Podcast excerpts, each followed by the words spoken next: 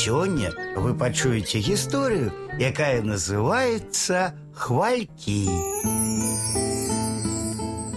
У самым сэрцы лесу ляжаў халодны зялёны стаў. Уздоўж яго берагоў парывіста гойдаліся да ветры купы высокага чароту, а ў мелкіх затоках стаялі флатылі гарлачыкаў з буйным лісцем. Сярод чароту і трыснягу жыло вялікае мноства жабаў. Кожную цёплую вясновую ноч іх галасы вясёлым хорам разляталіся па наваколлі. Некаторыя галасы былі нізкія і глыбокія, яны належалі найстарэйшым ды наймудрэйшым жабаў. Прынамсі мудрасці ў свой век яны ўжо дасягнулі. Іншыя былі высокія і пранізлівыя.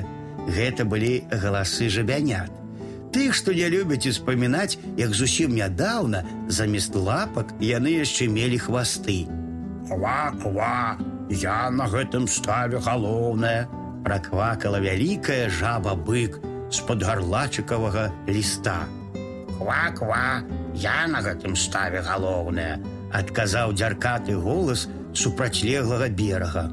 Ква-ква, я на гэтым ставе галоўнае, пахвалілася трэцяя жаба самага далёкага берага. А паблізу, добра схаваўшыся ў буйной траве ля самай вады, стаяў цыбаты белы жораў.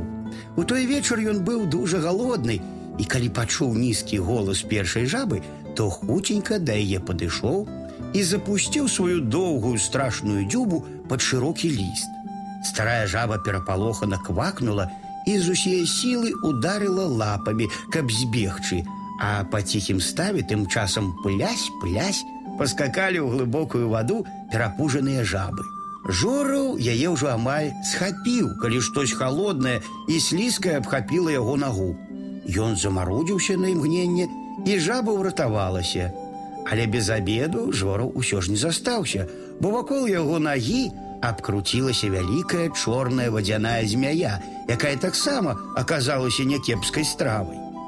Цяпер ён стаяў на адной назе, адпачываў і прыслухоўваўся. Першая жаба маўчала, але на супрацьлеглым беразе выхвалялася другая. Ква-ква, я на гэтым ставе галоўнае. Жору ізноў адчуў голад. Ён бясшумна абышоў, стаў і накінуўся на другую жабу, якая не хавалася і сядзела горда надзьмуўшы грудзі, бо сапраўды лічыла сябе самай галоўнай наставе. Галава і амаль уся шыя жораба схавалася под вадой, а па ўсім ставе плясь-плясь паскакалі хавацца ў глыбокія норкі жабяняткі. Не паспеў ён ухапіць жабу за заднюю лапу, як заўважыў нешта такое, што зараз жа адпусціў яе узмахнуў шырокімі крыламі і нязграбна паляцеў да самага далёкага берага. Гэта была танклявая карычневая норка са злоснымі вачыма. Яна паспела вельмі блізка падкрасціся да жорава і хацела схапіць яго, пакуль ён будзе есці. Так і другая жаба збегла, але яна так страшна перапалохалася, што пасля гэтага ўжо заўжды маўчала. Мінула шмат часу, перш чым жораў перастаў баяцца і зноў моцна згаладаўся. А на ставе ўжо так даўно было ціха, што многія жабы прыемным хорам спявалі і над усімі імі ракатаў глыбокі голос трэцяй і апошняй жабы быка, якая крычала: « Ква-ква, я на гэтым ставе галоўнае. Жораў стаяў недалёка ад гэтай выхвалянкі і вырашыў супакоіць яе расы назаўсёды. Наступным разам Яна пракрычала толькі ква, і жораў ухапіў яе за лапу. Яна пачала была квакаць, ды марна вырывацца, і ўжо праз імгнення апынулася б у доўгай глотцы жорава, але ў той жа момант да жорава ззаду падкраўся ліс і схапіў яго.